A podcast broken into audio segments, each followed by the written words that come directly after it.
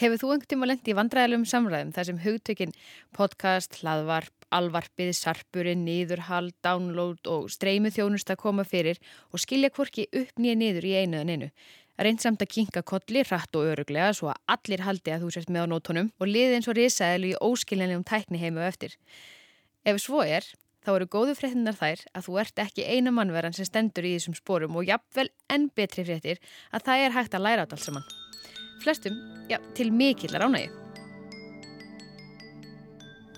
Þegar ég var lítið strákur þótti stórkoslegt að ég var segulbandstæki. Nú er þetta allt breytt. Þetta er alveg ótrúlegt sem er að gerast í heiminum í dag og sannkalla tillökunar efni að fylgjast með því sem ávægt að vera til og ég öfunda nýjar kynnslóðir sem er að koma inn í þennan þetta ríkulega og alltaf þessu möguleika sem nú bjóðast til að miðla og vera með. Stefán Jón Hafstein er einn viðmælanda. Hann þarf valla að kynna frekar fyrir hlustendum því að hann vann lengi hjá Rúf, bæði sem frétta og dagskragerðamadur og styrði auk þess rást tvö. Stefán Jón hefur ástriðu fullan áhuga fjölmjölum, ekki síst útvarpi og hefur nýtt sér hlaðvarpið í mörg ár. Alveg óhætt að segja að hann sé sérfræðingur á því sviði. Stefán er nú búsettur í annari heimsálfu en við ákvaðum að láta það ekki stoppa okkur, nýtum tæknina og Stefán talar við okkur frá Úganda.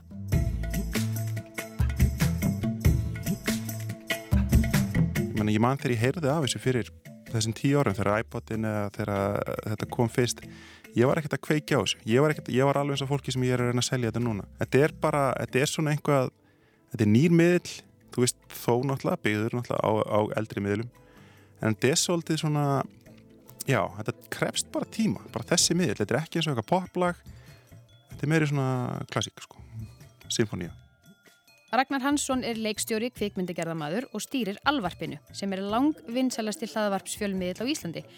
Alvarpi framleiðir marga fjölbreytta hlaðvarpstætti á viku og á diggan hlustandahóp. Ragnar er sem sagt aðal hlaðvarpstjóri landsins og ætlar að segja okkur frá Alvarpinu og hvernig hann komst í kynni við hlaðvarp og þennan heillandi stóra og fjölbreytta heim.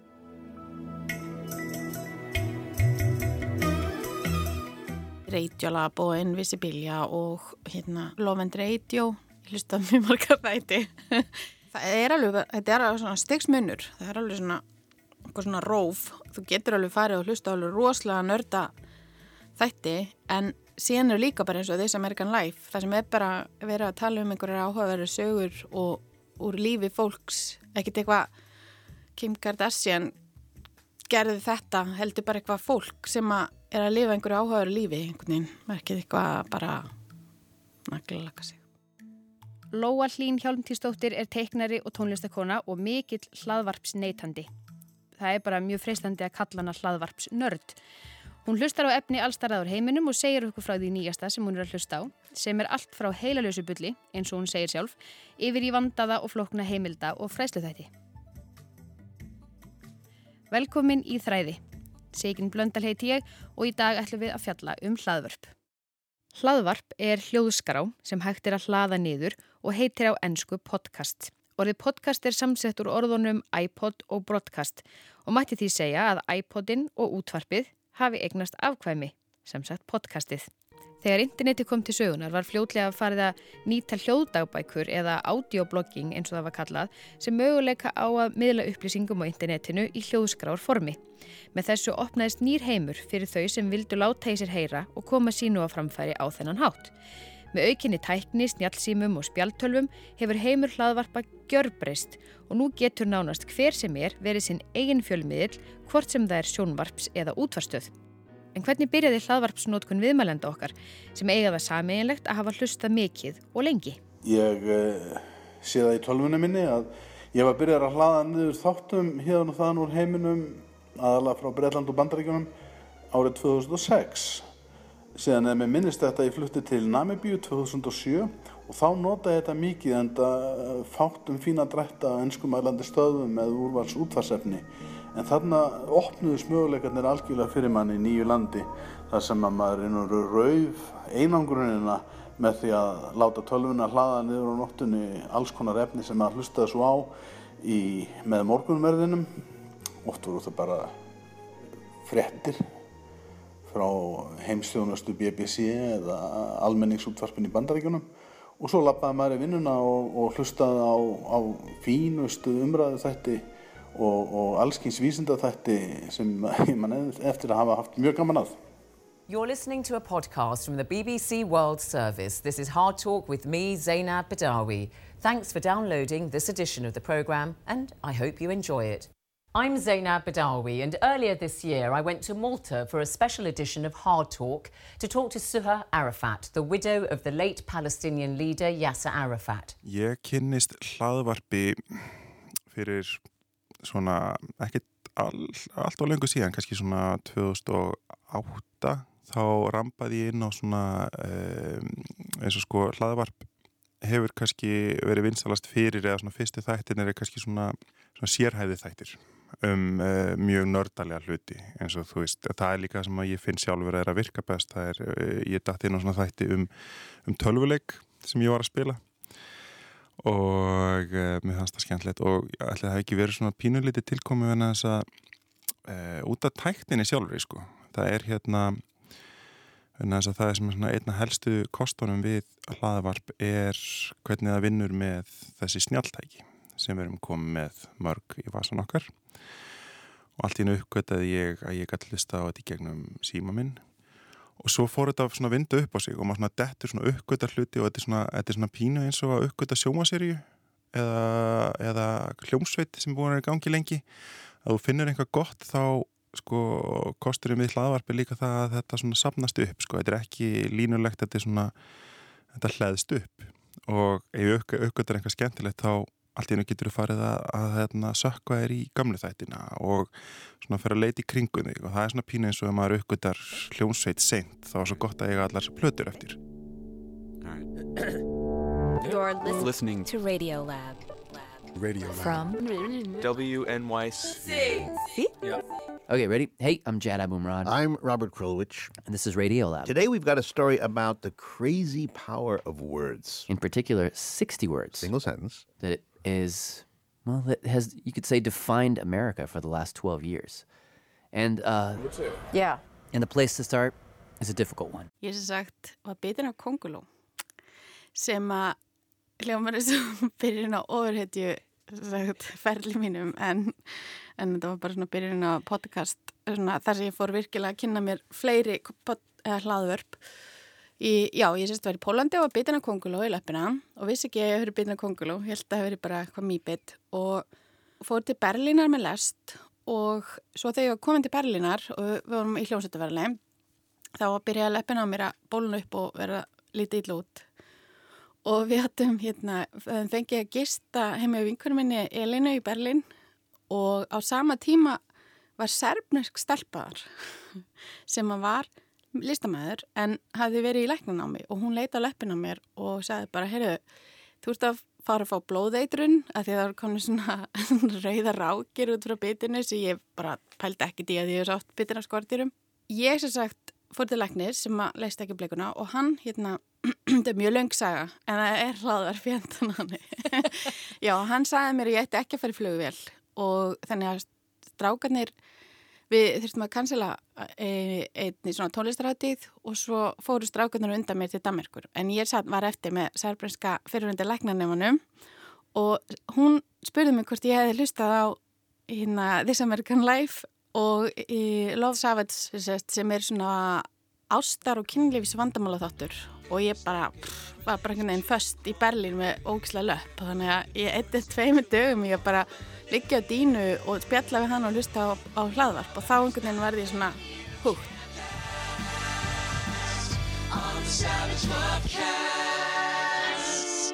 Hlaðvarpið býður upp á algjöra breytingu fyrir þá sem að hafa gaman að því að miðla eða vilja miðla vegna þess að nú er ekki dagskrárvaldi hjá dagskrárstjórum ákveðina stöða.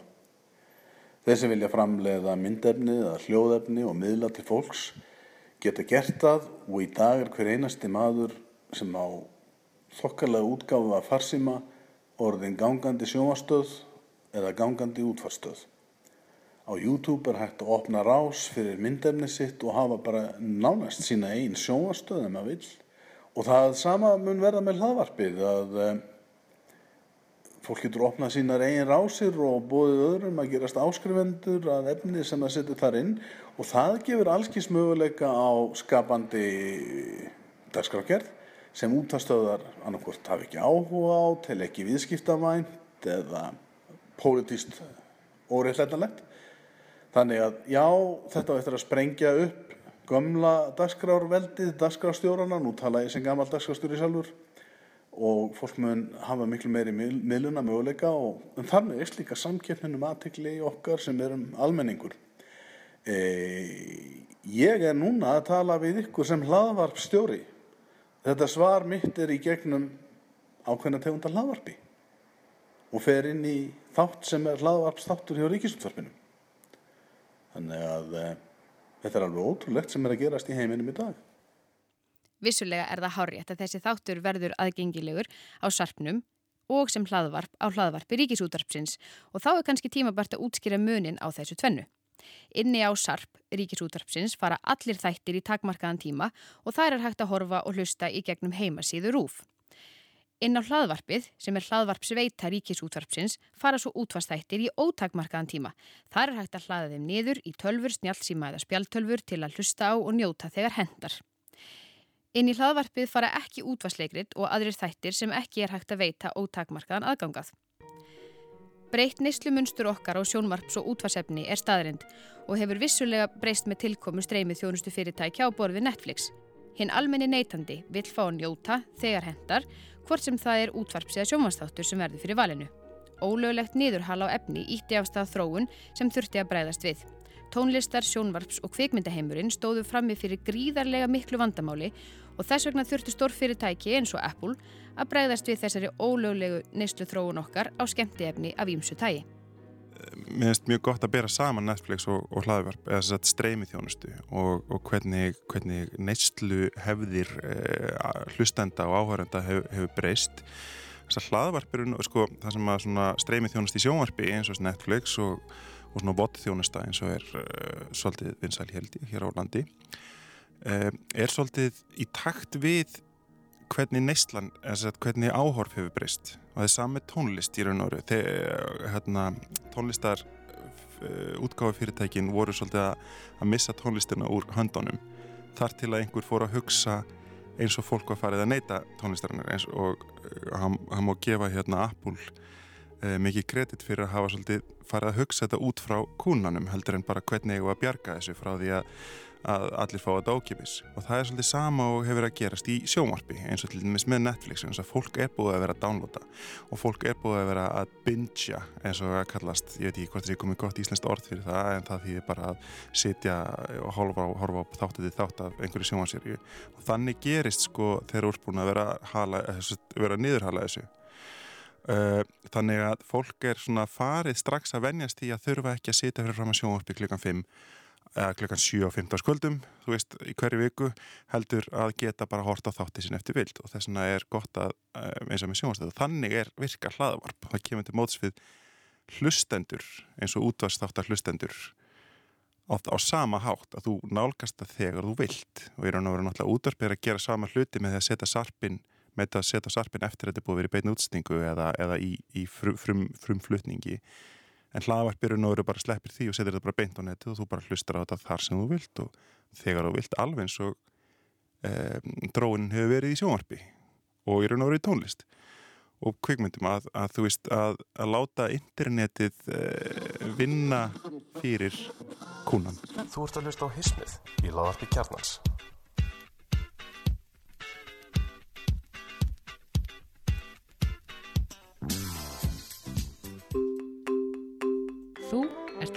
að hlusta á nútímanum.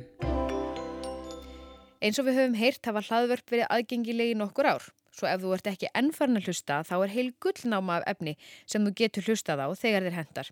Til dæmis á ferðalögum. Það er hægt að ná sér í jókaæfingu dagsins, fílalag frá alvarpinu, tæknivarp, kjarnans eða hlustað á heimildaþátt frá Radiolab til dæmis. Nú svo eru við hægt að kaupa sér góða hljóðbók og láta lesa fyrir sig á meðan maður brunar um hálendi Íslands eða skoðar afríska náttúru. Ég nota hlaðvarpið aðalega sem varasjóð af efni. Þetta er svolítið svona eins og faran bókasafn á ferðalögum. nema maður þarf ekki að lesa heldur lætur segja sér frá. E, ég ferðast talsveit mikið um heiminn og þá finnst mér gott ef ég lendi í töf á flugvelli að geta bara sett góðan útvarstátt í gang eða er í flugvel eða tala ekki um eins og var mikið um á ferðum mínum í Afríku að ég kerði langar dagleðir og þá gæt maður stytt sér tíman ansi vel með því að hlusta á gott efni. Og upp úr þessu fór ég svo að hlusta á hljóðbækur og ímislega slíkt. Og um, ég er aldrei í vandraðum þó ég lendi í einhverjum töfum eða tímaþjófum því að ég er til dæmis alltaf með góða dætan sveik í tónhlöðunum minni innan selingar sem er alveg klassík. Já, ég, líka, ég, er ofta, ég er ofta ferðast, ég sitt og mér vantar að hlusta á eitthvað og ég hef bara einu sinni gert tilhörn til að hlusta hljóðbók og sími minn var á sjöfful og ég fattaði það ekki þannig ég lustaði á fólki í kjallaranum í fáranleiri röð og var bara eitthvað, wow, þetta er svo pulp fiction og eitthvað, rosalega auður að taka hérna mikla sensa en ég treysti henni svo vel sem reytundi þannig ég var eitthvað, ok, hún lítur að vita hvað hún var að gera. Og svo þegar ég var búin að hlusta bara á, þú veist, bara heyra plottið lungaðun ég átt að heyra það og vantaði fórsendur til að skilja aðra kapla þá var ég bara hvað er það og það vantaði ég hef búin að hlusta þetta sjöfúl og ég brend, var alltaf brenda þessu þannig ég hef ekki ennþá hlusta hljóðbækur. En ég hlusta sérst á að ég get ekki lesið í bíl að ég var bílveik. Þannig ég hlusta þá bara frekar á hlaðvarp. Þannig að ég nota þetta sem uh, aðalega til áferðalögum en síðan er ég farin að gera talsvöld af því núna þegar svona tæknin eist og barnar og maður er komin í hef beint samband gegnum þessi upp eins og sarpin að maður getur hlustað á dagskrá til dæmis heima á Íslandi. Þó að tímamunur sé mikil þá getur ég bara hlustað til dæmis yfir morgunverðunum elsnema dags hér í Júganda og kvöldfrettinnar heima á Íslandi kvöldi áður sem voru flutta með nokkrum klukktími fyrr. Þannig að nótin eru margvísleg og aukast stöðut Ég sérst að horfa útsvar og gett betur og kiljuna og svona nokkra og djöfla einu stundum og þá nægi bara í þættina á sarpnum. Internetið hefur veitt greiðari aðgang að öllu í raun og veru, mingað heiminn sko, það er alltaf að tala um að fólk sem er meiri skoðanir í dag, fólk er ekkert með meiri skoðanir það er bara fleiri, fleiri hérna útgangspunktu til að, til að virka þessar skoðanir til að kasta þeim út og þetta er sama einhvern veginn með sko, veist þann, svona getur við mótað meira hvað við erum að hlusta á. Ég held að það sem, sem hlaðvarp, ég náttúrulega hlaðvarp hefur bara eins og kvikmyndagerð hefur breytist þegar stafræna myndavelar koma, allir gátti gert bíómyndir. Þá hafðu allir kvikmyndagerðamenni sem þurftu miljónir til þess að búa til eitthvað, eitthvað áhyggjur að það myndi skemma meðlinn, þetta bara hleyfti fleirfrum að og síðan bara þú veist ef að, ef að eina sem þú hefur fram yfir annan er, eru peningar þá skiljað þú hafið áhyggjur. Ég held að þetta taki ekkit við hérna sjónvarpi, ekkit frekar en Nei, hérna útvarpi, þetta er náttúrulega bara eins og þú veist hvað, Netflix að taka við á sjónvarpi Netflix er sjónvarp, þetta er bara öðruvísi sjónvarp þetta er nákvæmlega sama, þetta er sama fólk horfir á þetta í sjónvarpinu sinu þetta er sjónvarstættir eins og er í sjónvarpinu þetta er bara önnur leiða fólki og þetta er ekkit að, hlaðvarp er útvarp. Það er bara önnur leiða fólki og aðeins meira frelsi vegna þess að þú ert ekki með þessa tíma hérna, þetta tímastress og þú getur sagt það sem þú vilt vegna þess að þú ert ekki í útarpinu eða svona í ofinberðari miðil en, en þetta er, en þess að þú getur verið sérhæfðari í raun og þú getur verið sérhæfðari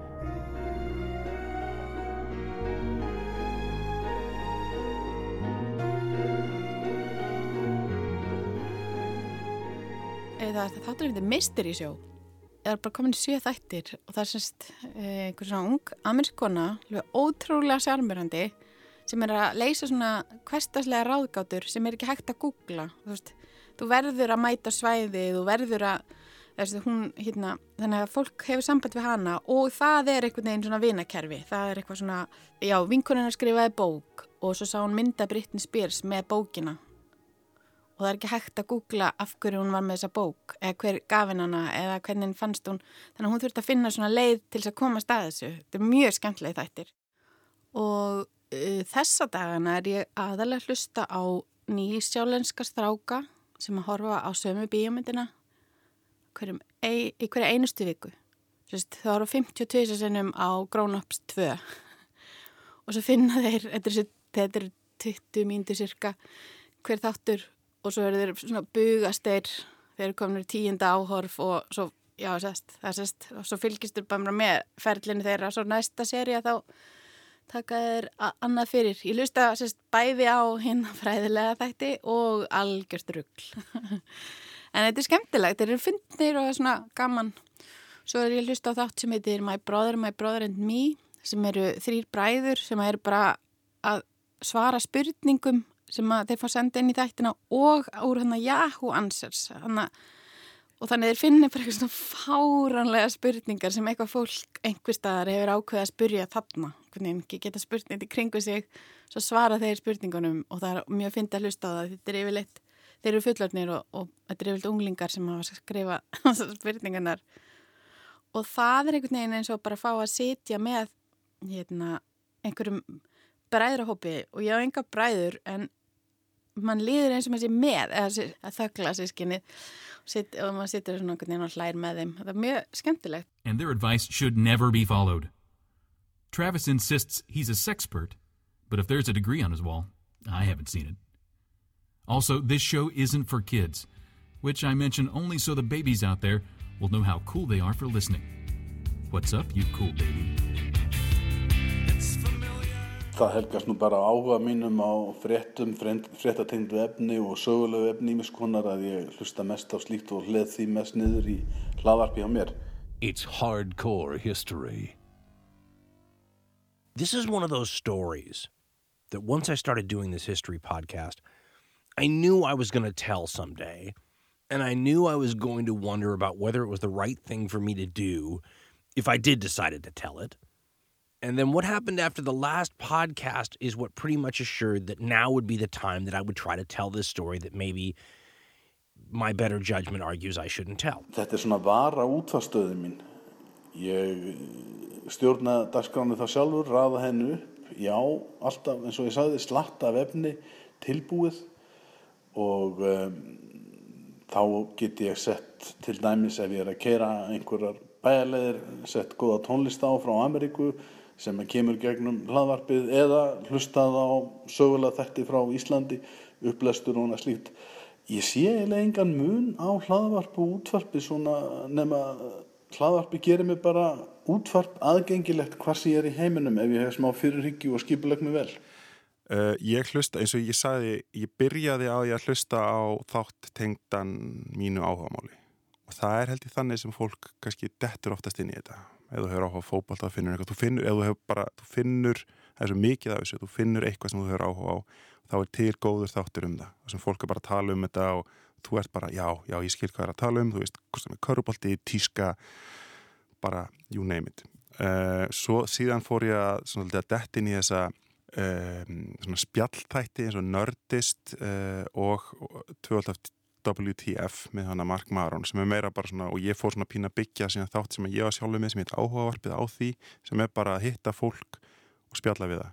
Og bara komast að nýjum hliðum og, og þegar þú hefur svona langan tíma og svona lítið stress og getur hittið og jáfnvel bara heima hjá þeim þá nærðu við því sko. Um, svo hefur líka verið að hlusta mikið á hérna þætti eins og eins og ég mitt aðal áhuga málur og kvíkmyndir og það er til mjög mikið að góðum kvíkmyndapodcastum eins og uh, How Did This Get Made uh, sem er svona um lélega myndir og hvernig anskotunum fólk voru að því að búa til.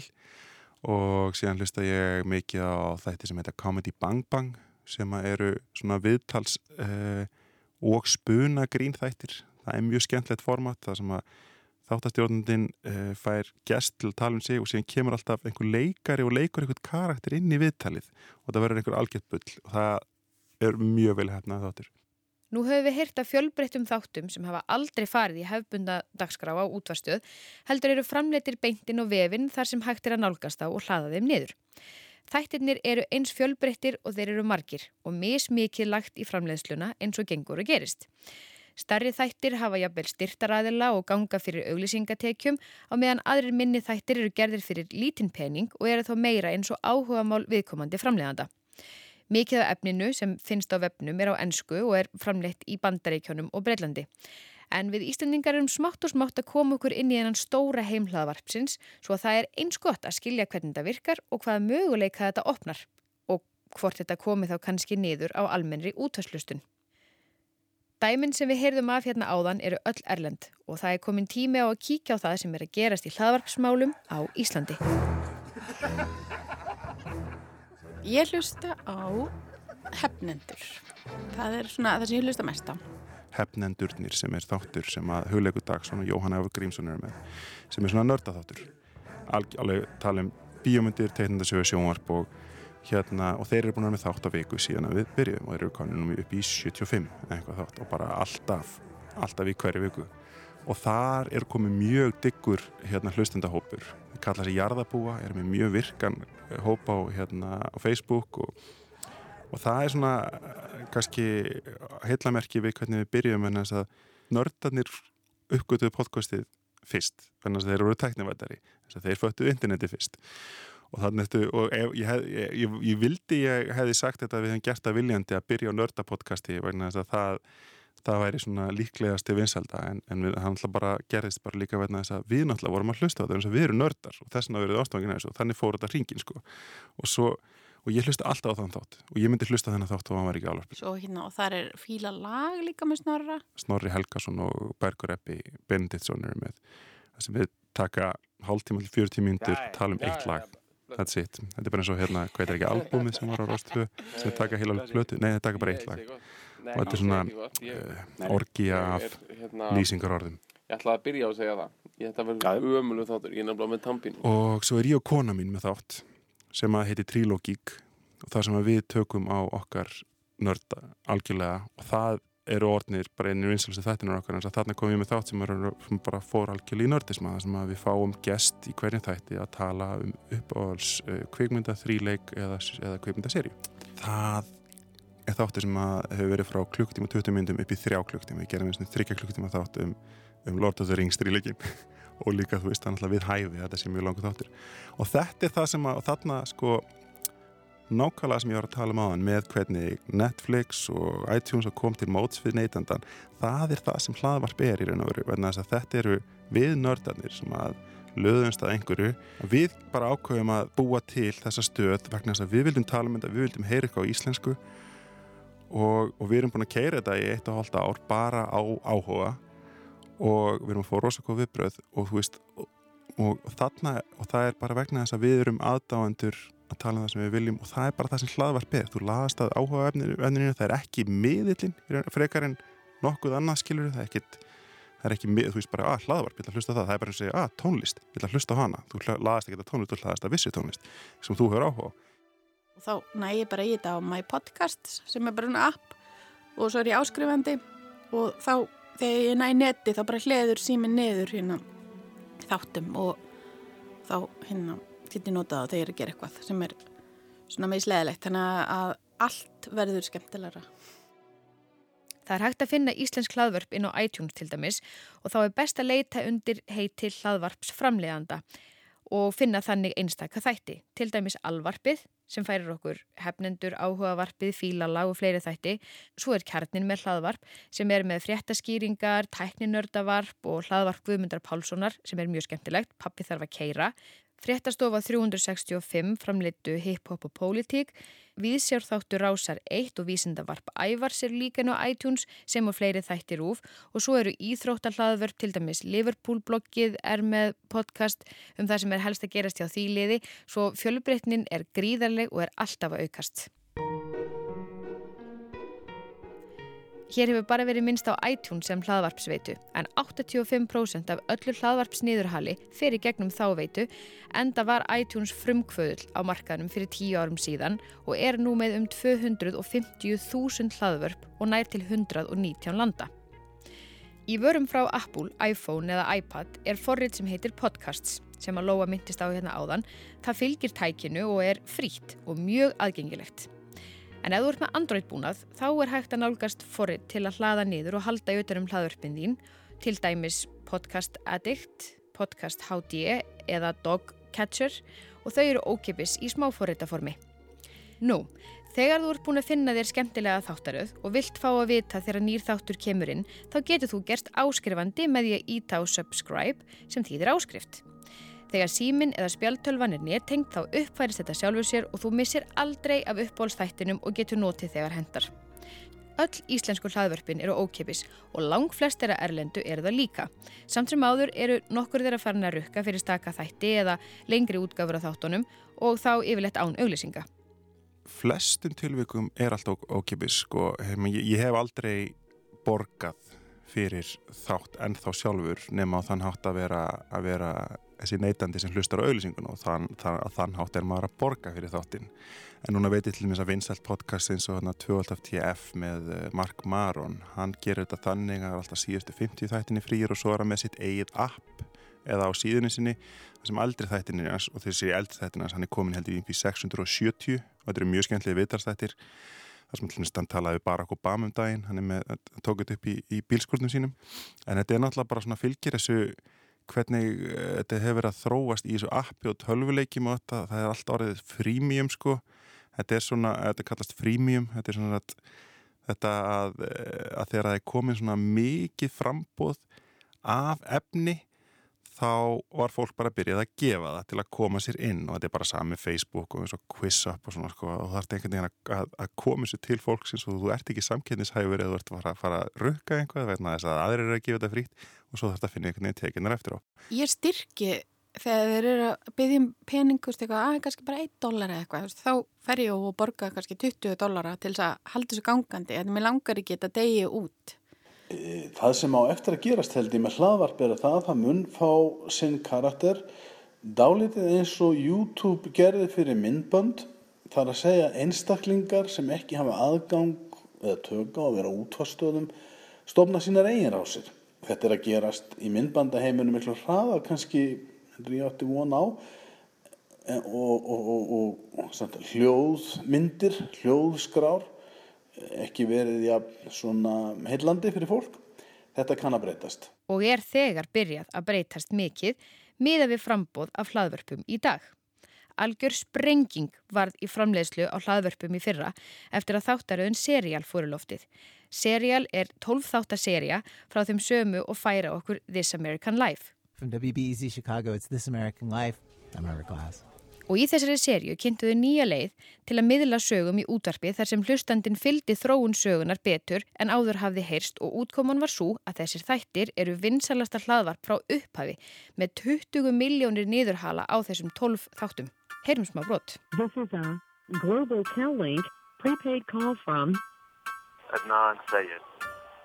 An inmate at a Maryland Correctional Facility. From This American Life and WBEZ Chicago, it's Serial, one story told week by week. I'm Sarah Koenig.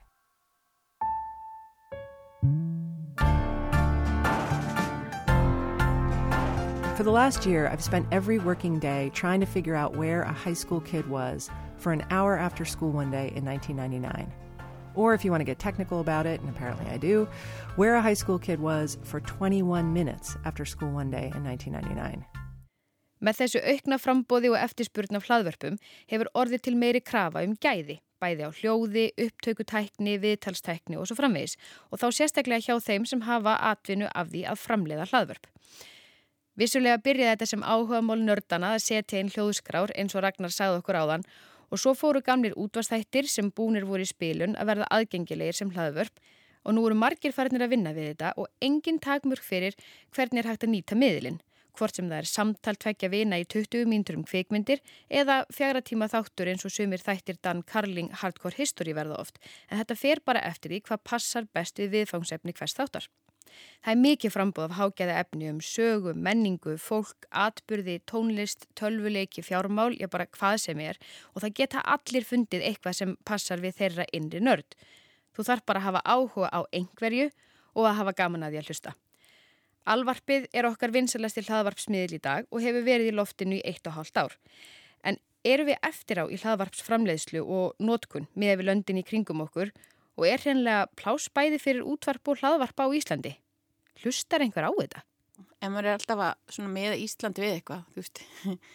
Við tölum oft heima hjá mér um Bránsvæk, af því að mákonum mín bjóðin sem þar, af því það svipað stærð af bæ í Þýskalandi og Reykjavíkuborg, mannfjöldin og þar er, ekki sem sagt þú getur ekki fundið þar eitthvað svona þúsund tónlistamenn í sama postnúmerinu, eða skilur það, það er einhvern veginn það er allt eitthvað svo ykt hér. Vegna er alltaf að bera okkur saman við þess að bandaríkina búa 300 miljónir bara eitthvað, af hverju er Íslands hlaðvarp ekki að standa sig eða skiljur það er bara, það er eiginlega ótrúlegt að sé til Íslands hlaðvarp og ég verði mjög spennt að sjá hvort það væri hlaðvarp frá Bránsvæk. Sumi spyrja sig hvort auki hlaðvarpsnótkun e, komið niður á útvarpsnótkun og það er bara, þetta er sama það er alltaf verið að keppa um tímamanns og ef ég hlusta meira á alls konar hlaðarstætti þá þýðir það að ég hlusta minna á alls konar útvarstætti eða les minna tímaritum og blöðum eða bókum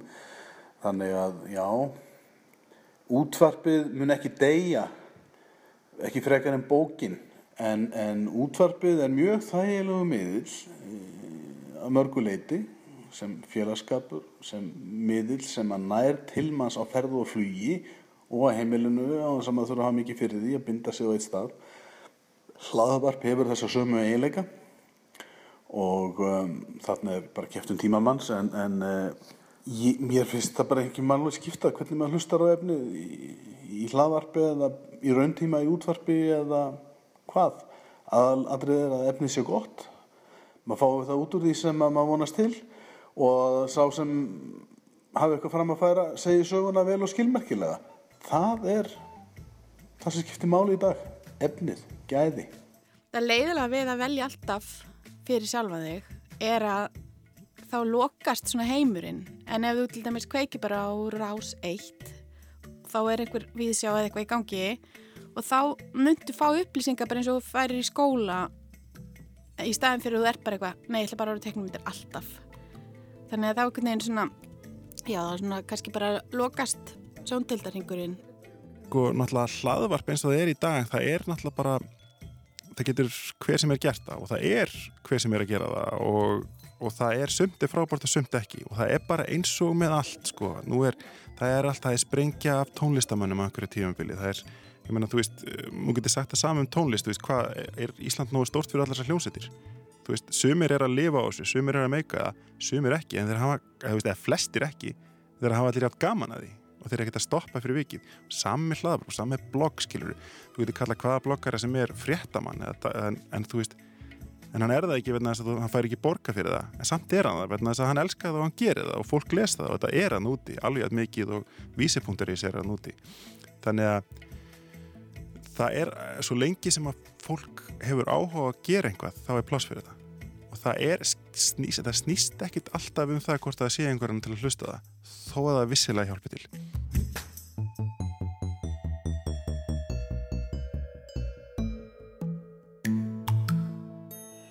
Það sem mér finnst sorglegt við hlaðvarp á Íslandi er hver ríkisútvarpið hefur verið sent að taka við sér og gert það illa sem þó er gert það verður bara að segjast eins og er hlaðvarpið er búið að vera til í nokkur ár og ég hef sótt mér þættiðanga. Það er ótrúlega erfitt að finna út úr því hvað er hvað inn í þessu kraðæki sem kallast hlaðvarp á rás ríkisútvarsins. Það var talsveit breyting við að fá sarpin þannig að maður getur náð sér í efni að maður gjör þekki dasgrána sem er ágjörlega þægilegt. En, en ef maður þarf að leita aftur fyrir sig að sam, samna saman efni til að hlusta á þá er ríkisútvarpi mjög langt á eftir því miður.